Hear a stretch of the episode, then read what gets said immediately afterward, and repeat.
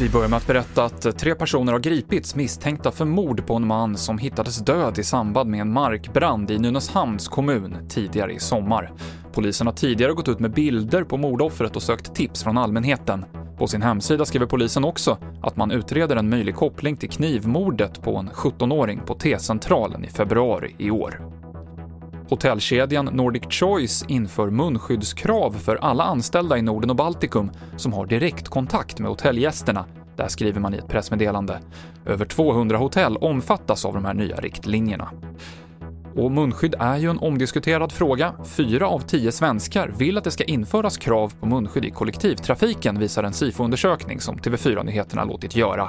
Men Agnes Wold, som är professor vid Göteborgs universitet, är negativ till det här. Om man till exempel tar ett samhälle och så gör man en massa saker samtidigt. Det är ju aldrig så att man bara inför munskydd utan man inför massa olika saker och då vet man ju oftast inte vad det är som har effekt. Det sa professor Agnes Wold och det här var TV4-nyheterna med Mikael Klintevall.